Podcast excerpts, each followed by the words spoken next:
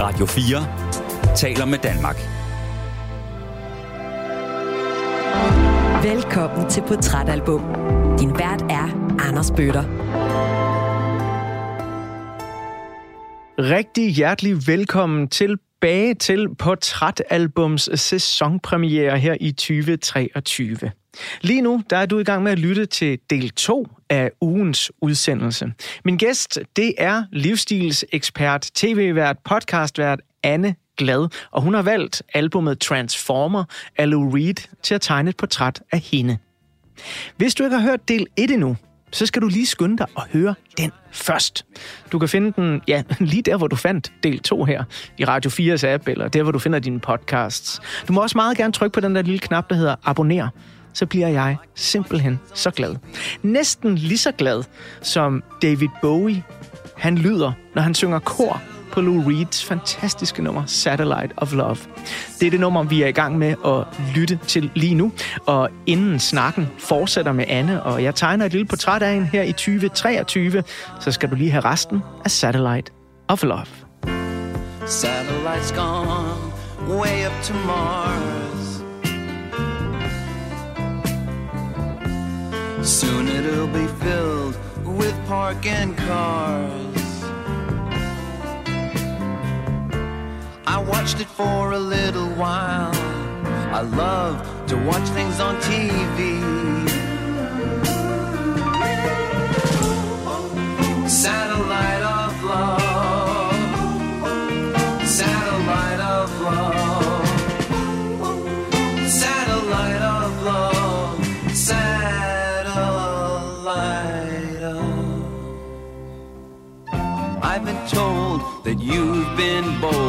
with Harry, Mark, and John. Monday and Tuesday, Wednesday to Thursday with Harry, Mark, and John. Satellites gone up to the skies. Things like that drive me out of my mind. I watched it for a while. I love to watch things on TV.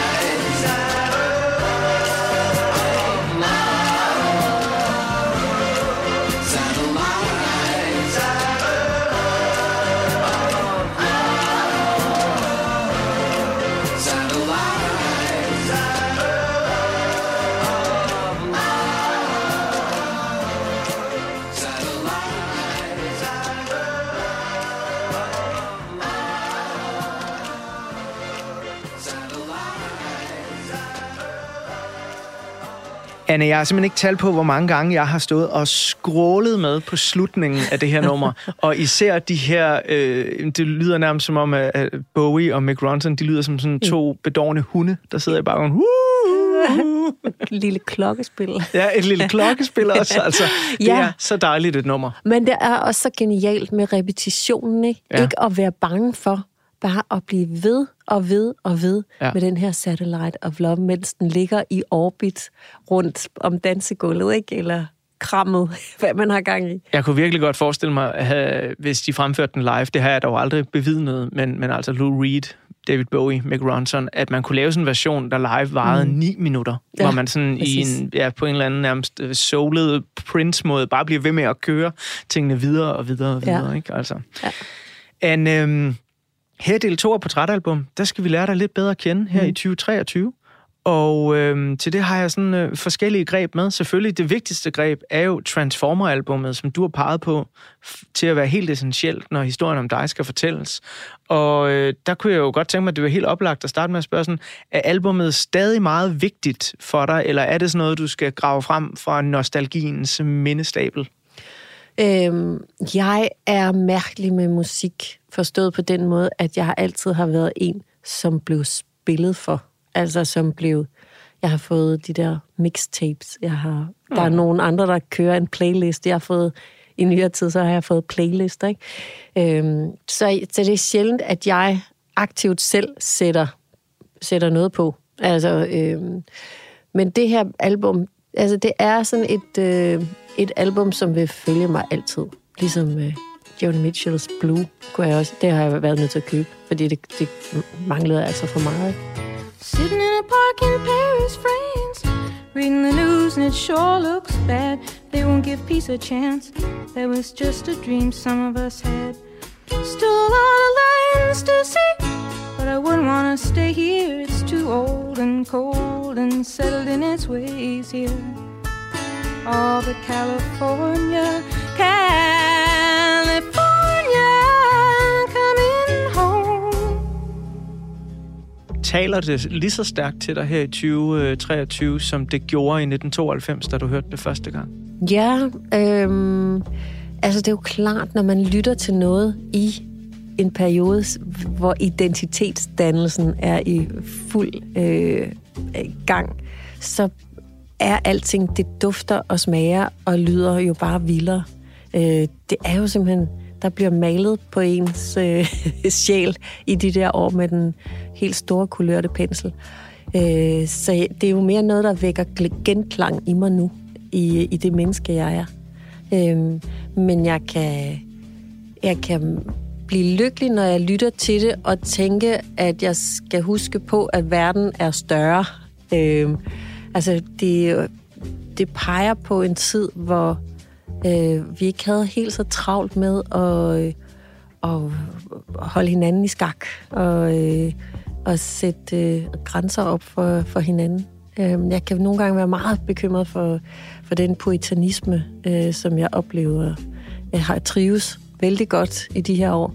Øhm, og det poetanisme skal man ikke øh, forveksle med, øh, at vi har nogle debatter om, hvad man kan sige. Øh, det er about fucking time, ikke?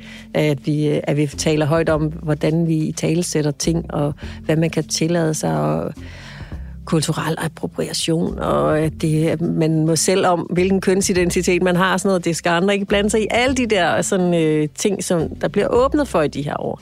Men der er også sådan en løftet pegefinger, og vi skal ikke have det alt for sjovt. Men jeg er nysgerrig, mm. og det er jo nærliggende at spørge livsstilseksperten, som kværner igennem statistik på statistik. Hvorfor sker det i de her år? For jeg er nok næsten lige så overrasket, som du er. Jeg forstår det ikke. Nej, øh, der er en stor... Øh, altså, der er en stor utryghed. Vi har jo sådan set kigget på puritanismen i USA i mange år, øh, og undret os. Øh, og, og, og, og det er en... Altså, det er jo et udslag af måske en, en, en, nogle generationer, som har haft en grænseløs opdragelse øh, hvor der ikke er nogen, har været sat nogle ydre grænser, som måske så kunne få lo- lyst til, at der blev, altså at der var nogen grænser i, i verden. Øh, det er også måske en, en transparens, som er kommet ind i vores liv ved hjælp af de sociale medier, øh, som gør, at vi får adgang til at dømme hinanden. Altså for fanden, hvor er jeg glad for, at ingen havde smartphones i 1992. ja. Altså, ja. Jesus Kristus, og hvor har jeg ondt af alle de unge mennesker, som hele tiden har det blik på sig mm. i alt, hvad de tænker og gør ja. og siger. Det er jo forfærdeligt. Øh, så jeg kan være bange for, at det digitale er med til at begrænse vores udfoldelse også.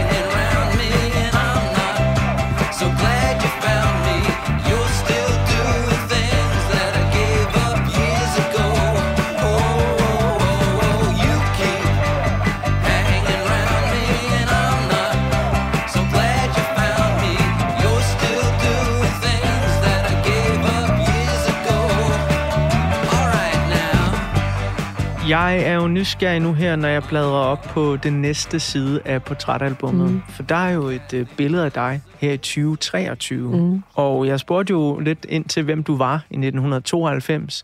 Lige kommet hjem fra et år i Frankrig som au pair. Begyndte at studere litteratur. Flyttede ind i øh, noget, der kunne minde om en øh, besat bygning, som dog også var gammel romantisk, et gammelt hotel i Odense, med din gode veninde Anne, som så præsenterer dig for det her album, mm. Lou Reed's Transformer. Det er efterhånden en del somre siden, mm-hmm. øh, og der er sket meget i dit liv. Du har fået en ret succesfuld karriere op at stå. Jeg tror, rigtig mange danskere har set dig på tv, blandt andet i Kender du typen. Men hvem er Anne Glad i 2023? Mm. Øh, hun er småbørnsmor. Øhm, og ja, det er jo, hun er så lille, han jo ikke engang mere. Han starter i skole her i år. Jo. Ja, godt damet. Øh, jeg har øh, et, øh, kompas der, som er knivskarpt, og det har det sådan set været fra, altså, fra den dag, han blev undfanget, at, øh, at det fællesskab, vi har derhjemme, øh, det er det vigtigste øh, at tage vare på. Øh, ikke sådan, at vi ikke opdrager ham til at være en del af fællesskabet og propper ham i en folkeskole og opdrager ham til, at de andre skal have det største stykke kage og sådan noget. Men, øh, men helt klart i forhold til, at, øh, at jeg skal ikke lave den der 80 timers karriere, som jeg har gjort tidligere, fordi det vil tage noget tid fra vores familie og det vælger jeg at prioritere anderledes. Øhm, det er øh, at få ham godt sendt afsted, og få, øhm, få vores familie til at alle sammen lykkes med vores drømme. Øh, også øh, ham, der tager det største del af slæbet derhjemme i alle de perioder, hvor jeg er ude og lave fjernsyn eller holde foredrag, øh, ligger og rakker rundt på landvejene. Men jeg er nysgerrig på, Anne, mm. nok lidt, lidt tænkt eksempel, men din mand er 13 år yngre, end du er, mm. og øh, I får jeres søn, da du er i midten af 40'erne, mm. øh, 45, så vidt mm. jeg husker. Mm. Øh, jeg er jo nysgerrig på, fordi på det tidspunkt i midten af 40'erne, der har de fleste sådan på en eller anden måde defineret, hvem de er, hvor de står, hvor de er på vej hen osv. Det kan godt være, at man vil lave nogle ændringer og alle den her slags ting, men man kender sig selv ret godt. Mm. Hvis du nu ikke havde mødt din mand, hvis I ikke havde fået et barn, hvor, hvor tror du så, øh, at du var her i 2023? Øh, så havde jeg nok været, øh, så havde jeg nok øh, været direktør øh, i erhvervslivet stadigvæk. Altså så havde jeg, så havde jeg lavet mindre radio og tv, og så havde jeg haft en erhvervskarriere i stedet. Var du blevet glad for det? Det havde jeg også været glad for. Jeg har altid virkelig elsket at arbejde og kun lavet ting, jeg synes, der var sjove. Øh, men jeg var mere ambitiøs øh, med min erhvervs, mine erhvervsbørn, inden jeg fik sådan, sådan en, en søn. Ikke? Ja. Øhm, så det havde fået lov til at fylde mere. Øh, og så havde jeg været mere øh, festlig, altså været mere øh, kulturel, været mere i teateret, været mere i byen. Øh, altså haft en mere udadvendt liv, end ja. jeg har. Og det havde også været skønt. Jeg elsker også det udadvendte øh, kulturliv. Det er der, bare ikke, der er bare ikke plads til begge dele. Nej. Man kan ikke alt. Men jeg har lært fra folk, øh, der har fået børn, som så er blevet ældre nu, det kan komme tilbage. Ja, ja, ja. ja. ja, ja, ja. ja. Nå, men vi er jo også på festival og sådan noget, vi er på Roskilde og sådan noget. Altså, han kan jo passes. Det er jo mm. slet ikke sådan, at der ikke er, er plads til det. Øh, men, øh, men der skal bare være plads til os at hygge sig derhjemme og spise morgenmad sammen og, øh, og have, lave Lego på, øh, på stuegulvet og, og have, den, altså, have en, altså en fordybelsestid sammen, at det hele ikke bare bliver drift. Tiden, den flyver jo afsted. Og det er rigtigt, hvad du siger. Det der med identitetsdannelsen, den plejer vi jo at lægge fra sådan 15 til 25. Men jeg tænkte faktisk på det forleden, at øh, jeg synes, det er jo meget mere interessant at tale om livsfaser, end at tale om alder. Fordi øh, mennesker med eksempelvis små børn har mere at tale med hinanden om, øh, end Altså, end folk, der er andre steder i livet. Og det er jo fuldstændig ligegyldigt, hvor gamle de så er. Ikke? Vi interesserer os for de samme ting. Øhm, og der er min identitetsdannelse jo nok dukket op igen, ligesom sådan en livsfase med små børn kan dukke op igen, hvis man møder nogle nye og får nye familiekonstellationer og sådan noget. Så, øh, så jeg, jeg har nok genopfundet mig selv øh, flere gange. Øh, fordi der er jo så også det, når børnene flytter hjemmefra, så er der også det, der hedder øh, re- selvrealiseringsfasen, øh, hvor man giver en lidt ekstra gas på, øh, på alle fronter i livet. Typisk bliver skilt også og sådan noget, ikke? Men... Jeg kunne godt tænke mig at tale lidt mere om det her med at genopfinde sig selv, mm. øh, også i, øh, hvad, hvad nogen vil kalde jo en høj alder. Fordi igen, folk har en idé om, hvis man skal genopfinde sig selv, så er det jo gerne et eller andet sted mellem 15 og 35, og så mm. er det ligesom slut. Øh, og det ved jeg da selv af egen erfaring, at det behøver det ikke være. Men øh, inden vi øh, kommer så langt, øh, så vil jeg gerne lige spille øh, et stykke musik mere, fordi vi skal ikke glemme albummet. Øh, og jeg er så glad for, at du sendte mig den der sms med sådan, husk nu også dem, der ikke er de største hits. Mm. Øh, fordi som du sagde i del 1 af den her udsendelse, så er det jo noget af det, der, der ligesom er albumets lim, ikke? Og øh, du elsker Transformer fra start til slut. Alle de her fantastiske 11 numre, øh, som i øvrigt er ret korte. Jeg sidder Ja, lige her og kigger på albumet på Er det 36 Spotify. minutter eller sådan 36 noget? minutter, Ja. simpelthen. Sådan laver du en plade på Yes. 11 minutter. Øh, så for at tage en, der bare er helt random og, og lidt skæv, så synes jeg, vi skal høre Wagon Wheel.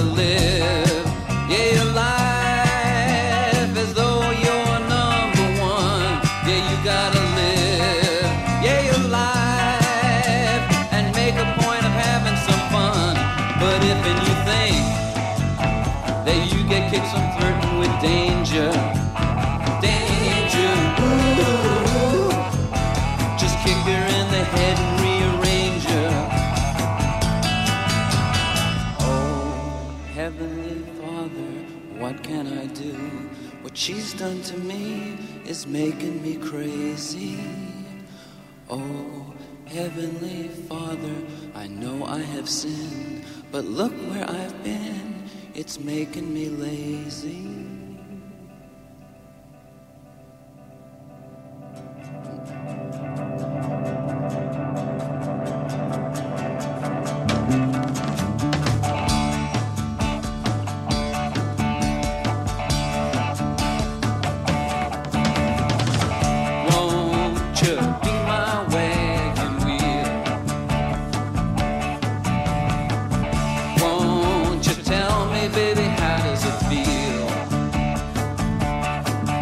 Gotta live,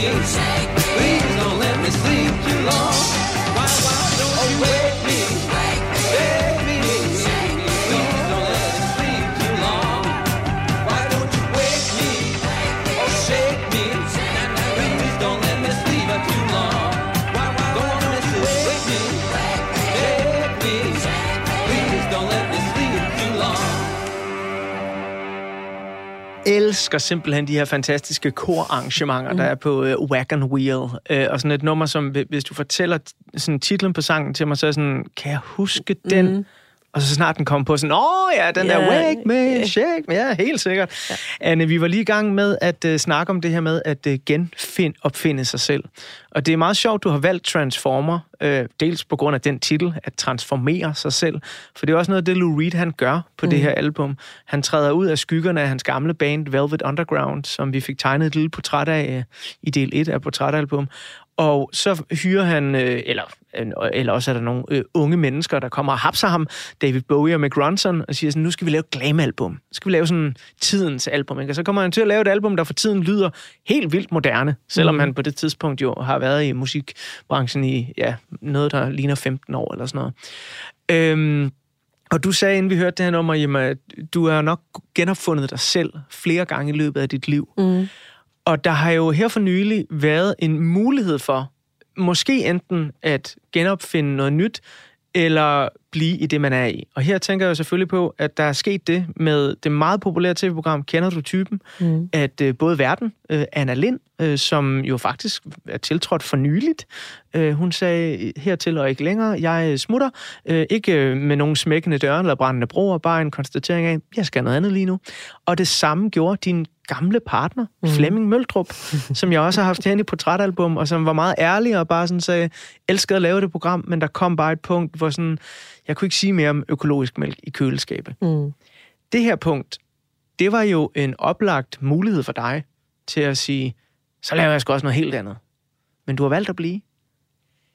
Ja, og, og det er jo fordi, det fylder meget lidt i mit arbejdsliv, det her program. Øh, det er, altså vi har jo haft nogle åndssvage på år, hvor vi har lavet 24 programmer, øh, og det skal vi heldigvis ikke i år. Der skal vi lave øh, færre. Jeg tager ikke lægge mig fat på, hvor mange det bliver, men færre. Lidt mere som i gamle dage. Ikke? Ja. Og i gamle dage, der var, det, der var det kun syv og ni programmer om året, ikke, da jeg startede med det.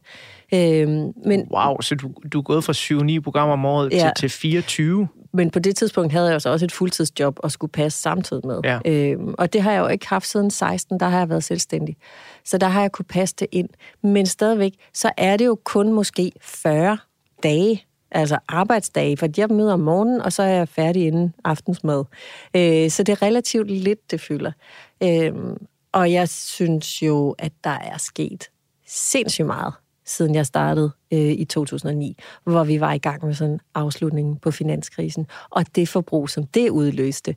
Øh, og så op igennem øh, en, øh, sådan en bæredygtigheds... Øh, først fra det var en trend til, at det blev mere mainstream, til at vi har nu for nylig haft øh, coronaforbrug. Altså, der har været nogle bølger i vores øh, forbrug og i vores økonomi, som har været mega spændende øh, at følge. Og i, altså, jeg synes jo, det er noget et helt andet øh, format, end det, jeg trådte ind i i 2009. Øh, holdet har ændret sig mange gange. Altså, nu er det jo en, nummer fire vært og nummer fire mandlige ekspert, jeg går i gang med. Mm. Øh, så man kunne også tænke, at ligesom, jeg var lidt programmet. Så, så ja. det, det er jo også fint nok, at, jeg, at, at der, der sker noget udvikling indimellem på, på nogle af pladserne. Tror du måske i virkeligheden, at det er noget af det, der også har holdt dig fast i programmet? At det er blevet ved med at være spændende? Helt sikkert. Og også det, at programmets længde har ændret sig flere gange undervejs. Nu ændrer vi også igen på noget produktionsmæssigt, som gør, at det på ny bliver teknisk set også øh, interessant. Øh, der sker også noget der, ikke? Mm-hmm. Øh, jeg tror ikke, seerne vil lægge så meget mærke til det, men de, de ser det, hvis de åbner et af de gamle programmer, Ja. så kan de godt se, at der er sket rigtig, rigtig meget. Jeg kan godt savne nogle gange, at det var et lidt længere format, fordi det er jo der, hvor jeg får lov til at fylde meget på. Ikke? Øh, og jeg sidder jo hele tiden og nørder, som du siger, med nye forbrugsstatistikker. Så jeg har altid noget nyt at sige om den der økologiske mælk, for det er jo ikke den samme, som det var for 10 år siden.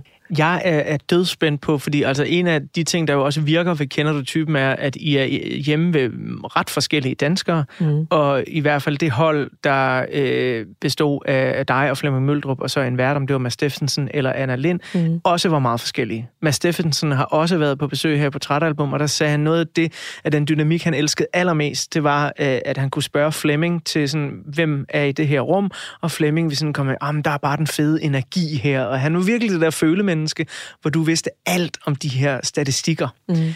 Og fordi jeg selv er et følemenneske, så bliver jeg måske dobbelt så fascineret af de ting, som du kan. Hvor kommer den her interesse fra, for simpelthen at dykke ind sådan helt systematisk i vores vaner, i den måde, vi går til livet på? Altså, hvad, hvad er det, der, der trigger dig der? Det synes jeg er vildt spændende. Jamen, efter universitetet, der begyndte jeg jo i reklamebranchen som tekstforfatter. Øh, det er det, som alle livsstilseksperter har som baggrund. Og for at lave gode øh, kommunikationskampagner til den målgruppe, det nu gælder, så bliver du nødt til at sætte dig ind i, hvad er det for et liv, de lever? Hvad er det for en livsstil, de har? Fordi når du arbejder i den københavnske reklamebranche, ikke, så tjener du lidt for mange penge og bor lidt for smart og kører lidt for dyre biler. Så du er nødt til at, ligesom, øh, at bruge noget krudt på at forstå danskerne, og forstå, hvad er det for en livssituation, de er i lige nu. Så igennem hele min reklamekarriere har jeg jo nørdet med de her ting, øh, for at lave fokusgrupper og læst analyser og øh, testet ting af. Øh, fordi hvis man tror, man selv er målgruppen, så har man allerede fejlet altså eklatant for det, man sidder og laver. Øh, og, og jeg synes jo, altså det, som har provokeret mig i tidens løb, og har været en drivkraft for mig, også når jeg har skrevet bøger og sådan noget, det er, at vi har sådan en, en lidt en stemme i medierne også om, øh, hvordan danskerne er, og dybest set så afspejler den måske allermest øh, dagbladernes øh, livsstilsredaktioner. Ikke? Nogle gange kan der komme lidt for langt fra, øh, fra sådan det forbrug, som tegner hele Danmark, til det, som vi fokuserer på. Øh, og jeg synes, det er fedt, at der er fokus på øh, plantemad og vegetarkost og sådan noget, men jeg synes måske, at vi skulle snakke lidt mere om den hakkede gris, fordi den fylder trods alt noget mere i indkøbskogen, end vegetarmaden gør. Ja, ja. Øh, sådan hele tiden holde fast i den her, altså den her, holde et spejl op foran foran de hjem, vi besøger, kender du typen, for de afspejler jo ikke Danmark. Altså, det er jo en e- elite øh, af højtuddannede, succesrige, øh, vellønnede øh, mennesker.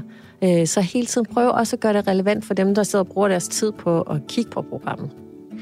Det var virkelig øh, kloge ord fra en, der er nede i en hel masse statistik, som jeg intet ved om, men som, altså, det er en af grunden til, at jeg åbner for mit tv, når du er på, fordi jeg synes, det er så dødhammerende spændende. En ting, jeg dog ved en del om mm. efterhånden, efter mange år i denne musikbranche, det er musik, og det er noget af det, som øh, jeg brænder aller, allermest for i programmet her selvfølgelig. Jeg kalder Portrætalbum for et musikalsk samtaleprogram, og derfor skal vi også huske at holde fokus på musikken. Mm. Og du har valgt albumet Transformer af Lou Reed, som du hører i 1992. Men jeg er dødsens nysgerrig på, om der også er ting, der er udgivet i 91, 92, 93, som måske slipper igennem sprækkerne mm. derinde på Park Hotel i Odense, øh, hvor der er Anne, I sidder med jeres varmeblæser og fryser. På I vores lille tidslomme. I jeres lille mærkelige tidslomme. Men jeg, altså, jeg, det er jo ikke, øh, jeg kender sådan en tidslomme der. Der har jo været år i 90'erne, hvor jeg ikke husker en eneste udgivelse, fordi jeg kun har hørt musik fra 70'erne og 60'erne. Der var, der var to fyre på, på kollegiet, som øh, så en forretningsmulighed. De fik så ikke, jeg tror ikke faktisk ikke, de fik gjort deres studie færdigt, men det er hvad der. Men de så en forretningsmulighed i den der restaurant, der var i stueetagen. Ja. Og så lavede de natklub dernede.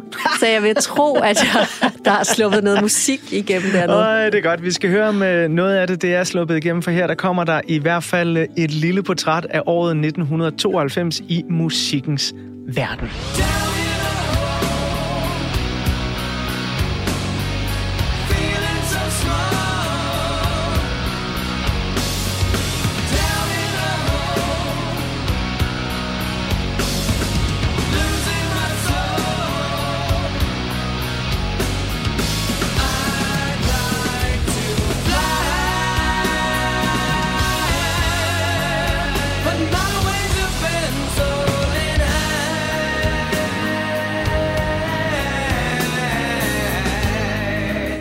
Inden jeg vil fortælle dig en lille smule om, hvem der lå øverst på de officielle hitlister og hvem der prægede dansk musik, så er det vigtigt at understrege, at den helt store tendens i 1992 var de alternative rockalbums, der blev udgivet i 1991.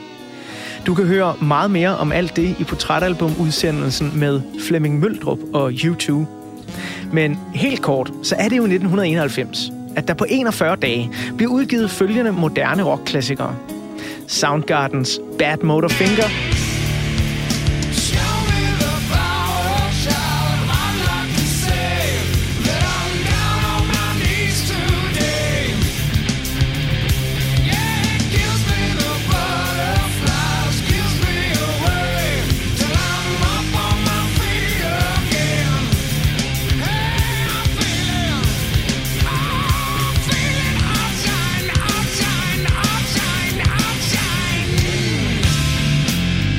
Red Hot Chili Peppers Blood Sugar Sex Magic.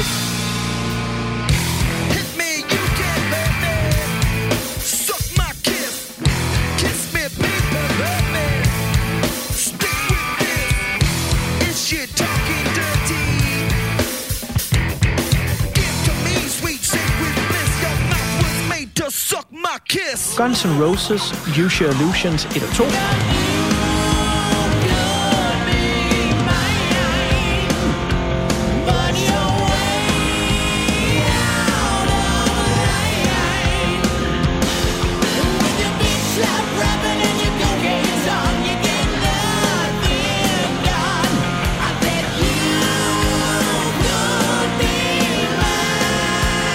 Pearl Jam debuten Tan.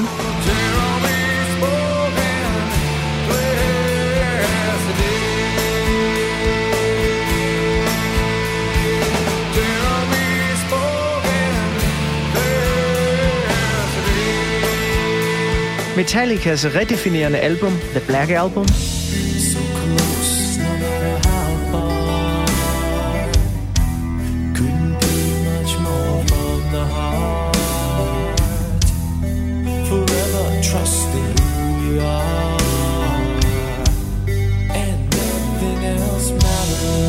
Og sidst, men absolut ikke mindst, Nirvanas andet album, Nevermind. As you are, as you were, as I want you to be, as friend, as friend, as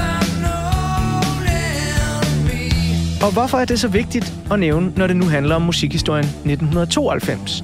Jo, det er det, fordi at alle de her albums, de bliver ved med at kaste succesfulde singler og musikvideoer af sig langt ind i 92 og 93. Og i 1992, der er musikvideoen blevet det nye svar på radiosinglen. Den nu globale tv-kanal MTV bliver et pejlemærke for en musikinteresseret ungdom, der er trætte af 80'ernes bløde rock. Ja, nogle vil endda gå så langt som at sige, at MTV var fødselshjælper til, at grunge blev mainstream. Da Nirvanas musikvideo til nummeret Smells Like Teen Spirit mere eller mindre tilfældigt blev vist på MTV for første gang den 29. september 1992, så begyndte trofaste fans af programmet 120 Minutes igennem den sidste halvdel af 1991 at ønske musikvideoen til Smells Like Teen Spirit igen og igen og igen. Og da vi så når 1992, så slår musikvideoen rekord som den mest ønskede sang i MTV's 11-årige historie.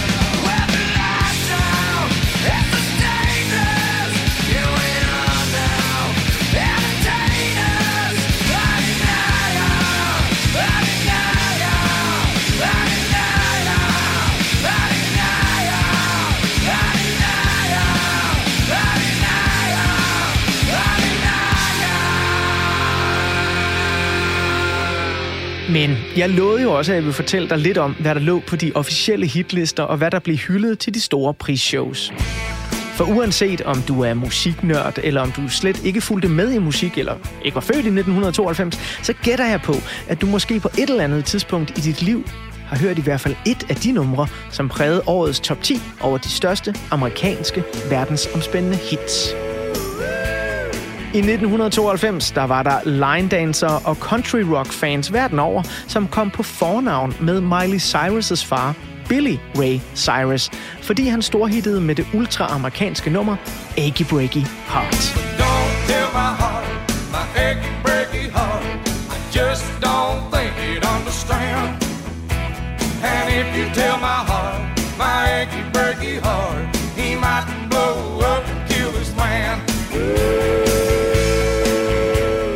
anden boldgade, så udgav R.E.M. i 1992 et af gruppens hovedværker, Automatic for the People. Everybody hurts sometime. Den største amerikanske musikstjerne siden Elvis Presley udgav i november 1991 sit 8. studiealbum Dangerous.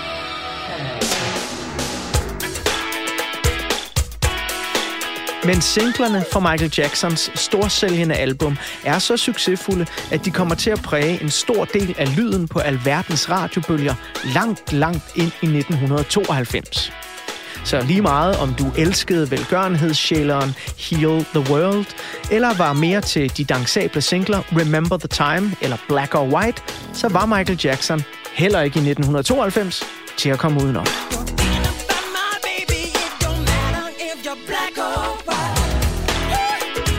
Men helt sensationelt, så når Heal the World-singlen faktisk ikke at få en førsteplads på den britiske single-hitliste. Men det er kun fordi, den ligger og konkurrerer med en af årtidets absolut stærkeste singler. En single, som til og med også var med i 90'ernes største biografsucces, The Bodyguard. I 1992, der er der ingen, der når Whitney Houston til sokkeholder.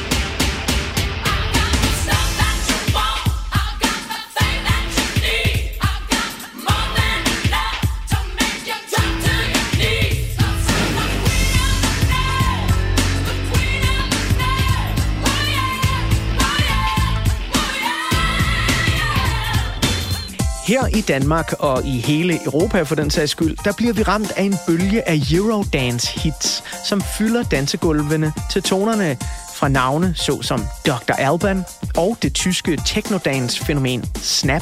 Dansk Grammy 1992 bliver afholdt den 22. februar i Falconer-salen, og her smitter Eurodance-feberen også af på prisuddelingen. Den nye gruppe Cotton Move bliver årets nye danske navn, og deres mesterværk Get Serious vinder som årets danske hit.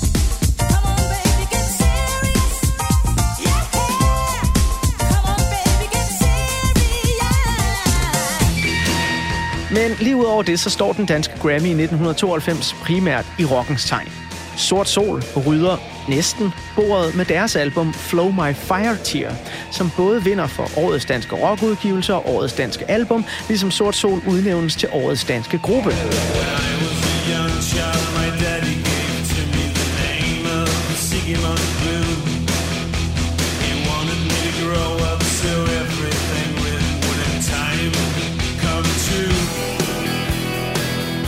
bliver dog også til hæder til god gamle D.A.D., hvis album Riskin' It All vinder årets heavy rock udgivelse, ligesom manden bag albumets lyd, Nikolaj Foss, vinder som årets producer.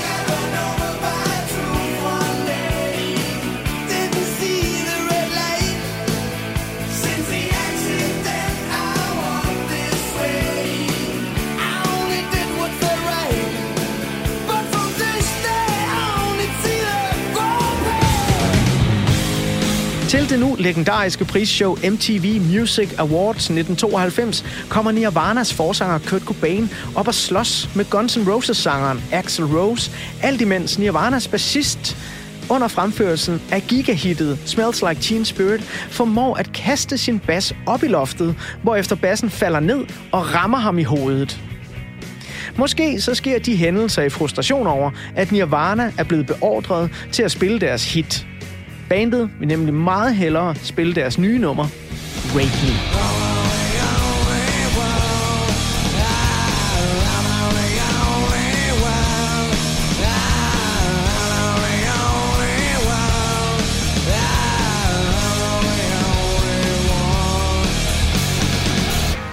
Men hvis jeg kender typen, så gik ugens gæst Anne Glad ikke rundt i Dr. Martens støvler, skovmandskjorte og hvad der ellers hørte til den klassiske grunge-uniform i 1992. Men jeg kan jo tage fejl. Bliv klogere på det lige om lidt. For lige nu, der skal vi have et skønt nummer mere fra Lou Reeds fantastiske Transformer-album, som Anne altså blev forelsket i i netop det her musikår, 1992. Your face when sleeping is sublime.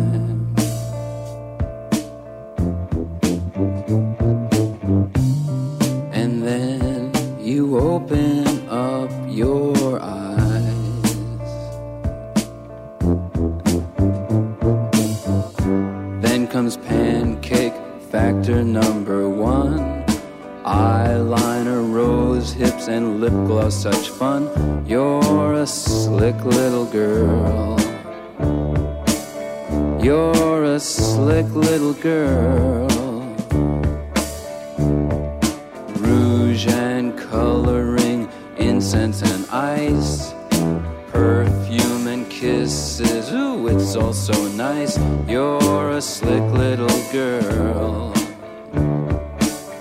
You're such a slick little girl. Now we're coming out. Out of our closets. out on the streets. Yeah, we're coming out. When you're in bed, it's so wonderful. It'd be so nice to fall in love.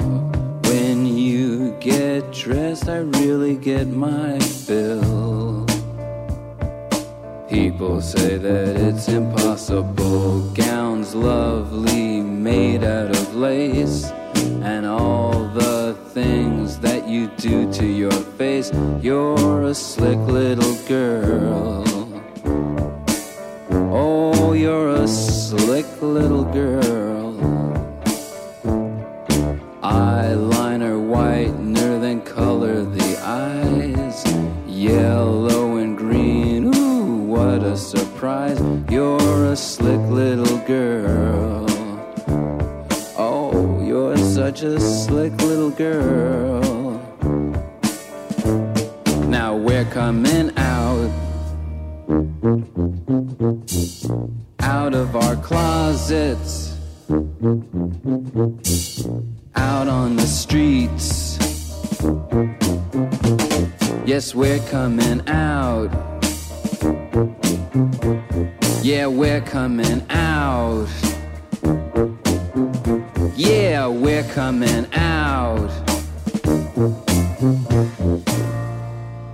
Anne, du har advokeret for, at vi også skulle huske de øh, skøre skæve numre på øh, Transformer, og her der var så sandelig en af dem. Det her, det er et af de numre, hvor da jeg hørte albumet som teenager første gang, hvor jeg tænkte, hvad fanden foregår der?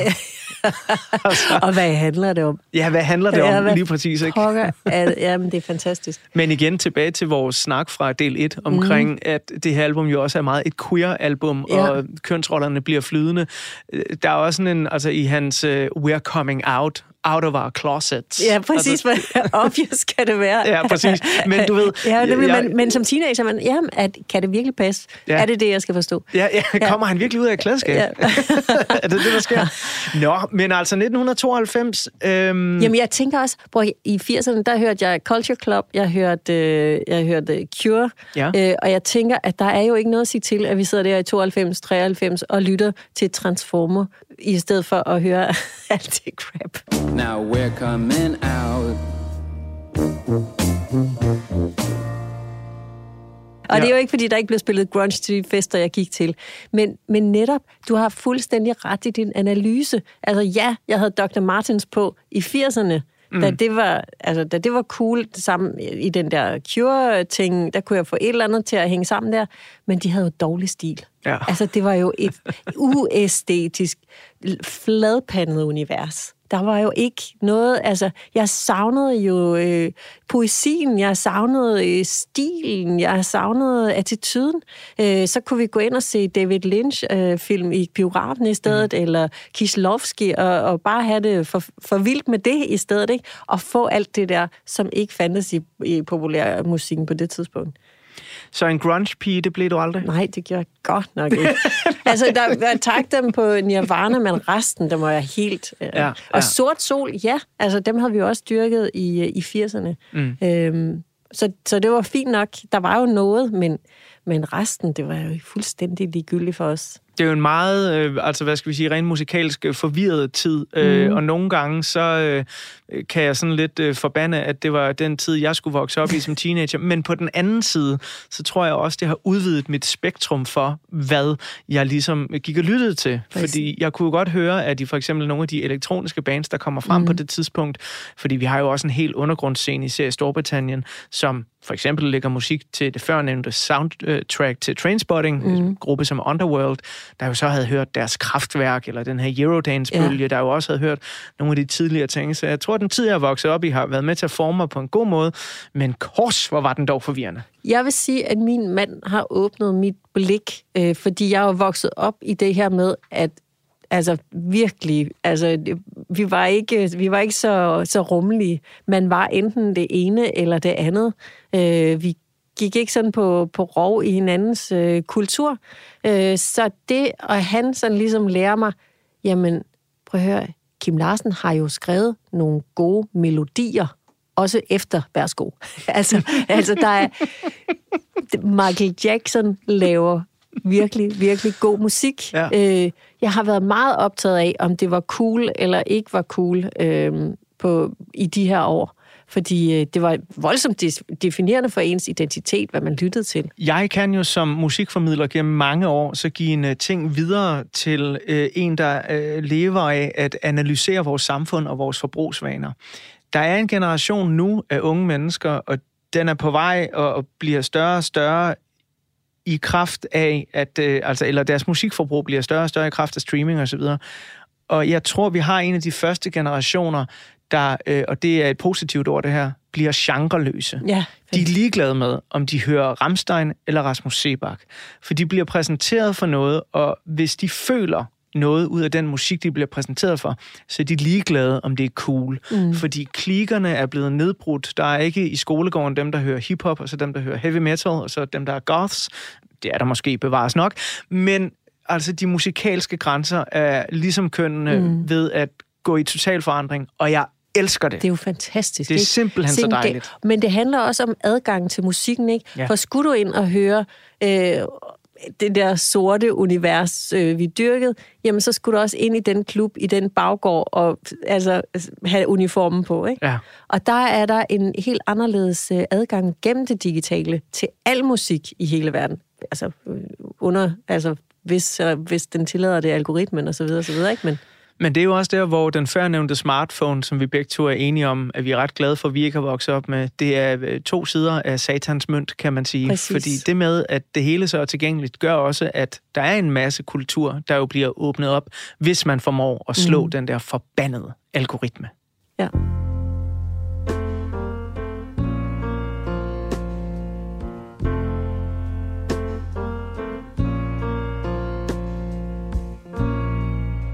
Nu øh, skal vi snart til at bladre op på øh, de sidste sider af portrætalbummet, øh, Anne. Det har været en stor fornøjelse øh, at have dig med her i programmet. Øh, Det har, jeg har glædet mig så meget til at møde dig, og du har indfriet alle mine drømme. tak skal du have. Jeg er super glad for, at du valgte Transformer. Og det er som om, der er, der er sådan en eller anden Tetris-brik, der er faldet på plads i min anskuelse af, hvem du er som offentlig person. Mm. Det giver mening, at det her album, det betyder meget for dig. Ja, altså, jeg, jeg tror, der vil være mange for hvem det overhovedet ikke giver mening. Og det synes jeg også er virkelig dejligt. Det er analyserende, historiefortællende, spraglet, øh, og, og samtidig også meget sit udtryk. Vi talte om tidligere, det er et kort album. Det er præcist. Mm. Og det er jo det, en god formidler også skal kunne, ikke? På øh, den sidste side, som øh, jeg bladrer op på her, øh, der kan det være, at vi skal have en øh, farvelsang for albummet her. Øh, fordi det er jo sådan, at når man lukker et godt portrætalbum, så er livet sidste billede på den sidste side. Så der er selvfølgelig et billede af din begravelse. Anne Glad, hvordan drømmer du om at komme herfra? Øhm, nu håber jeg, vi skal høre Perfect Day. Mm. Og øh, så... Øh, men altså... Jeg, jamen, jeg drømmer om at, at sejle mod øh, solnedgangen midt af dage. Øh, det er... Altså det der med ligesom at have brugt livet fuldt ud, og blive 103 som min farmor, og, og blive ved med at og, og, og nyde andre menneskers selskab. Ikke, ikke, der stopper med sammenligning med min farmor, men jeg bliver ved med, øh, at der er mennesker, som har lyst til at åbne en god flaske vin øh, og spille noget musik. Øh, og så smide mig i skovbunden, med, øh, så, så jeg kan få mulighed der. Der er ikke noget, der behøves ikke foretages religiøse ritualer i den. Øh, bare jeg kan komme herfra så bæredygtigt som muligt, så vil jeg være øh, godt tilfreds. Jeg kan enormt godt lide, at øh, vi bare i den her lille opsummering allerede er inde på tre elementer. Vi skal sejle ud mod solnedgangen, øh, vi skal spredes i skovbunden, og det betyder jo så også, at vi er blevet brændt. Øh, nej, altså faktisk, det er nemlig en rigtig svineri, det der kremering. Ja. Så hvis jeg bare kunne blive viklet ind i noget klæde og kastet ah. i, i mulden, så Og vi ville jeg gerne faktisk... begrave, altså grave dig ned, Ej, eller? det, ja, det andet, det bliver noget rod på Ja. ja. den lange bane, ikke? Ja, jamen, jamen, men grav mig ned et sted, hvor jeg kan blive til gødning. Mm. Øh, super fint. Jeg har ikke, øh, der er ikke mere, når jeg, når jeg dør. Der er ikke nogen sjæl, der svæver rundt noget sted. Men spiritualitet, religion eller ej, har du en eller anden idé om, at du godt kunne tænke dig en afsluttende ceremoni, når du nu ikke skal være mere? Altså er der en sang, der skal synges? Er der noget, der skal gøres? Skal der Nej. holdes en fest? Det kommer jo helt an på, om jeg går ud nu og bliver kørt over i studiestræde. Øh, så tror jeg, der er nogen, der har brug for, at der bliver, der bliver lavet et ritual. Men hvis jeg kunne være så gammel, så vi bare sådan er enige om, at, øh, at vi mødes og, øh, og, og, og, og, og graver mig ned ude i skoven. Øh, og så, så, må de godt, øh, så må de godt poppe en champagne. Må Øh, de, må de også godt spille Perfect Day? Det må de gerne. Det må de virkelig gerne. Så har jeg et meget smukt billede af øh, Anne Glad, der bliver sejlet mod en solnedgang, og på et tidspunkt så øh, holder skibet ind til siden, kaster anker ud for en lille dansk skov, hvor det her begravelsesritual skal forestå. Der er i forvejen blevet kørt et flyl ind i skoven. Det står på skovbundens bløde blade. Og så bliver den her melodi spillet.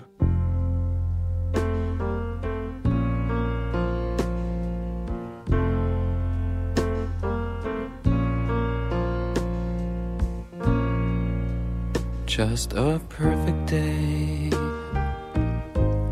Drink sangria in the park. And then later, when it gets dark, we go home.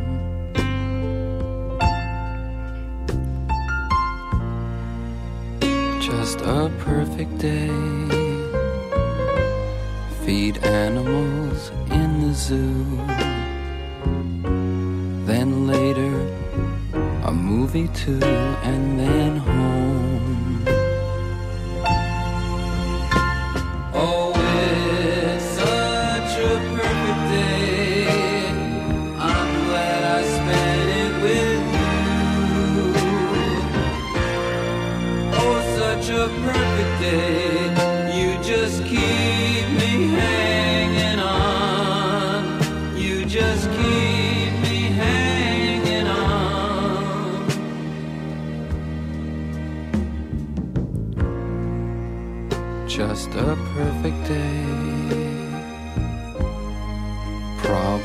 All left alone. Weekenders on our own. It's such fun.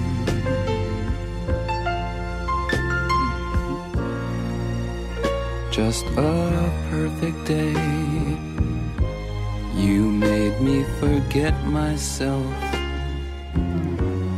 I thought I was someone else, someone good.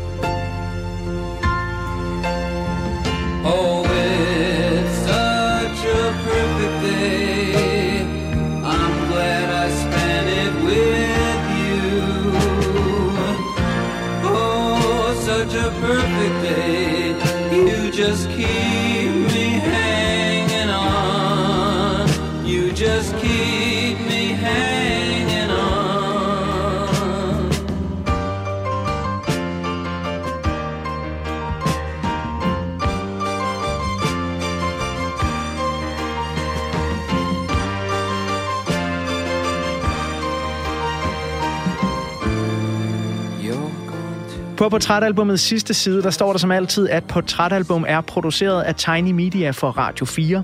Mit navn det er Anders Bøtter, og sammen med lyddesigner Emil Germod, der vil jeg gerne sige mange gange tak, fordi du lyttede med.